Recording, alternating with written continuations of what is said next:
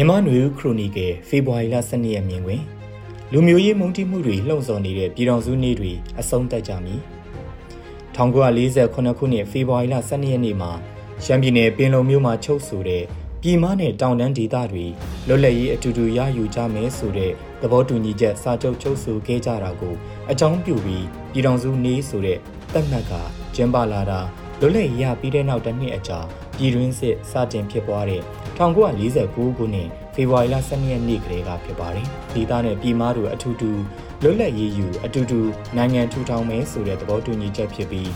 ဒီစိတ်ဓာတ်ကိုစတင်တည်ဆောင်ချိန်မှာပဲမြန်မာနိုင်ငံအနှံ့အပြားပြည်တွင်းစစ်စတင်ဖြစ်ပွားခဲ့တာဖြစ်ပါတယ်။ကွန်မြူနစ်ပြည်သူ့ရဲဘော် KNDO အစရှိတဲ့လက်နက်ကိုင်အဖွဲ့တွေကမြန်မာနိုင်ငံရဲ့နေမြေအများပြားကိုတင်ပိုက်ထားနိုင်ခဲ့တဲ့ 1949ခုနှစ်အခြေအနေလိုပဲ2024ခုနှစ်မှာလည်းပြည်ထောင်စုနေ့ကြာရောက်ချိန်မှာမြန်မာနိုင်ငံရဲ့နေမြေဒေသအများပြားမှာလက်နက်ကင်တိုက်ပွဲတွေဖြစ်ပွားနေပြီးတိုင်းရင်းသားလူမျိုးနယ်မြေတွေအားလုံးနှိပါမှာလက်နက်ကင်တိုက်ပွဲတွေဖြစ်ပွားနေတာဖြစ်ပါတယ်။လွတ်လပ်ရေးရပြီးကလေးကနိုင်ငံရေးအယူဝါဒအပေါ်အခြေခံတဲ့လက်နက်ကင်အဖွဲ့တိုင်းသားတန်းတူအခွင့်အရေးပြည်내ကိုယ်ပိုင်အုပ်ချုပ်ခွင့်ဖက်ဒရယ်အရေးစတဲ့အပေါ်အခြေခံတဲ့ မျိုးသားလွတ်မြောက်ရေးအတွက်လက်နက်ကင်တိုက်ခိုက်ကြတဲ့လက်နက်ကင်အဖွဲ့တွေတဖွဲ့ပြီးတဖွဲ့ပေါ်ထွက်လာကြသလိုဆယ်စုနှစ်ခုနှစ်ခုကျော်ကြာပြည်တွင်းစစ်ကာလအတွင်းမှာအချို့သောတိုင်းရင်းသားလက်နက်ကိုင်အဖွဲ့တွေပေါင်းစည်းသွားကြတာကွဲထွက်သွားကြတာ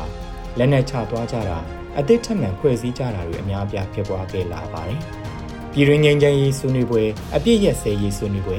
တနိုင်ငံလုံးပြစ်ခတ်တိုက်ခိုက်မှုရက်စဲရေးဆွေးနွေးပွဲတွေဖြစ်လာလိုက် ပြတ်သွားလိုက်တဲ့ငြိမ်းချမ်းရေးဖြစ်စဉ်လက်နက်ကင်တိုက်ပွဲတွေရဲ့တမိုင်းဟာရှေလျားရှုပ်ထွေးတဲ့တမိုင်းတစ်ဖွဲဖြစ်နေကြတာဖြစ်ပါတယ်။အဲဒီလိုပေါ်ထွက်လာတဲ့လက်နက်ကင်အဖွဲ့တွေနဲ့တိုက်ခိုက်လိုက်အပြစ်ရက်လိုက်လုံနေခဲ့တဲ့ပိန်တိုင်းတစ်ခုတည်းသောအဖွဲ့ကတော့ဗမာစစ်တပ်လို့တိုင်းသားနယ်မြေတွေမှာခေါ်ဆိုကြတဲ့ဖဆာပါလာခေတ်ကအခေါ်အဝေါ်ဗမာတပ်မတော်နဲ့လက်ရှိအရက်သားအခေါ်အဝေါ်စစ်တပ်ပဲဖြစ်ပါတယ်။လက်နက်ကိုင်တိုက်ပွဲတွေဖြစ်ပွားလေးရှိတဲ့တိုင်းသားနယ်မြေတွေ ဗမာစစ်တပ်ဆိုတဲ့အခေါ်အဝေါ်ဟာကောင်းတဲ့ခန်းစားချက်နဲ့ခေါ်သုံးဆွဲကြတဲ့သဘောမဟုတ်ပါဘူး။ဖန်စီခံရနိုင်တယ်လို့စားစရာရိတ်ခါတွေလူယူဖျက်ဆီးတာ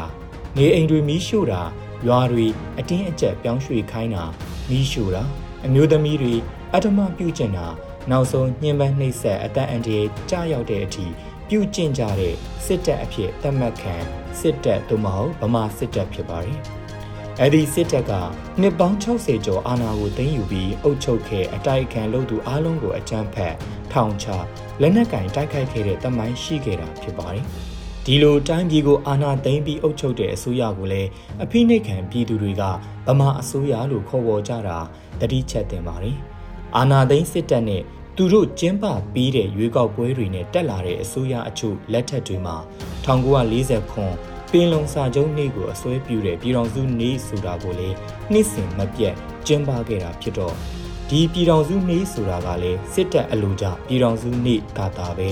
ဖြစ်တယ်လို့ဆိုရမှာပါ။တိုင်းသားလူမျိုးစုတွေရဲ့ဝတ်စုံတွေဝတ်ပြီးအာဏာရှင်အစိုးရတွေကိုထောက်ခံကြသူမလွန်ဆန်ရဲသူတိုင်းရင်းသားတွေကပြည်ထောင်စုစိတ်ဓာတ်ဆိုတဲ့စကားလုံးနဲ့ပြည်ထောင်စုအခမ်းအနားတွေမှာပါဝင်ခဲ့ကြတာစေစုနှစ်ခုနှစ်ခုကျော်ရှိခဲ့ပြီဖြစ်ပါတယ်။ 2024ခုနှစ်ပြည်ထောင်စုနေ့အချိန်ခါမှာနေပြည်တော်မှာစစ်ကောင်စီကပြည်ထောင်စုနေ့ကျင်းပနေချိန်မှာရခိုင်ပြည်နယ်မှာစစ်တပ်နဲ့ရခိုင်လူမျိုးတွေနဲ့ဖွဲ့စည်းထားတဲ့ရခိုင်တပ်တော် AA နဲ့အပြင်းထန်တိုက်ပွဲဖြစ်ပွားနေသလိုရခိုင်တွေကစစ်တပ်ရဲ့မိသားစုဝင်တွေရဲတွေရဲမီတွေကိုဓားနဲ့ခုတ်ပြီးတပ်ဖြတ်တယ်ဆိုတဲ့အမုန်းတရားပွားစီမဲ့ဝါဒဖြန့်ချက်ကို လှုံ့ဆော်နေပြီးတော့ရခိုင်အစားအစာမစားဖို့လှုံ့ဆော်စားတွေမြို့အချို့မှာကတ်နေကြတဲ့အဖြစ်အပျက်တွေဖြစ်ပွားနေတာတွေ့ရမှာပါရှမ်းပြည်နယ်မှာတော့ရှမ်းမြောက်ဒေသရဲ့မြို့အများပြားကိုတင်ယူထားတဲ့တအောင်လွတ်မြောက်ရေးလက်နက်ကင်ထိန်းချုပ်ဒေသတွေမှာရှမ်းလူမျိုးစုနဲ့ပဋိပက္ခဖြစ်ပွားစေမဲ့လှုံ့ဆော်မှုတွေကချင်နဲ့တအောင်လက်နက်ကင်အဖွဲ့တွေအကြားအမုန်းတရားတွေပဋိပက္ခတွေဖြစ်ပွားအောင်လှုံ့ဆော်နေတာတွေဖြစ်နေတာဖြစ်ပါတယ်။ ပအိုးလူမျိုးတွေအချင်းချင်းကြားမှာလည်းစစ်တပ်ရဲ့မှိုင်းတိုက်တက်ရှူသွေးခွဲမှုတွေဖြစ်ပွားနေတာလည်းအခုထိပါပဲ။စေအစိုးရတွေအဆက်ဆက်ကနေလက်ရှိစစ်ကောင်စီအထိပြည်တော်စုစိတ်ဓာတ်ဆိုတာကိုပြည်တော်စုနဲ့အခမ်းအနားကျင်းပတဲ့မိန့်ခွန်းတွေတုံးလွှာပေးပို့မှုတွေမှာသာတွေ့ရမှာဖြစ်ပြီးတော့မြေပြင်ကလက်တွေ့အဖြစ်အပျက်တွေမှာတော့တိုင်းရင်းသားတန်းတူညီမျှမှုအခွင့်အရေးဆိုတာမျိုးတွေကိုမူအရရော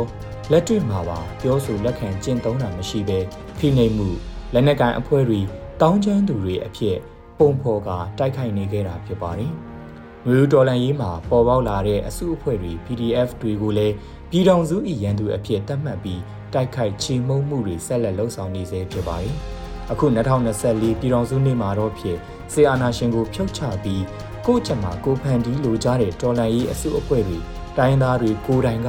သူတို့ရေးဆွဲထားတဲ့သူတို့စိတ်ကူးထားတဲ့ Federal ပြည်ထောင်စုရည်မှန်းချက်နဲ့ အခြေခံဥပဒေဆိုင်ရာအဆိုပြုချက်တွေထုတ်ပြန်ချက်တွေကိုလူထုရှေ့ကိုချပြလာကြပြီလို့ဆိုနိုင်ပါတယ်။စစ်တပ်ခွင့်ပြုမှဖော်ဆောင်နေကြ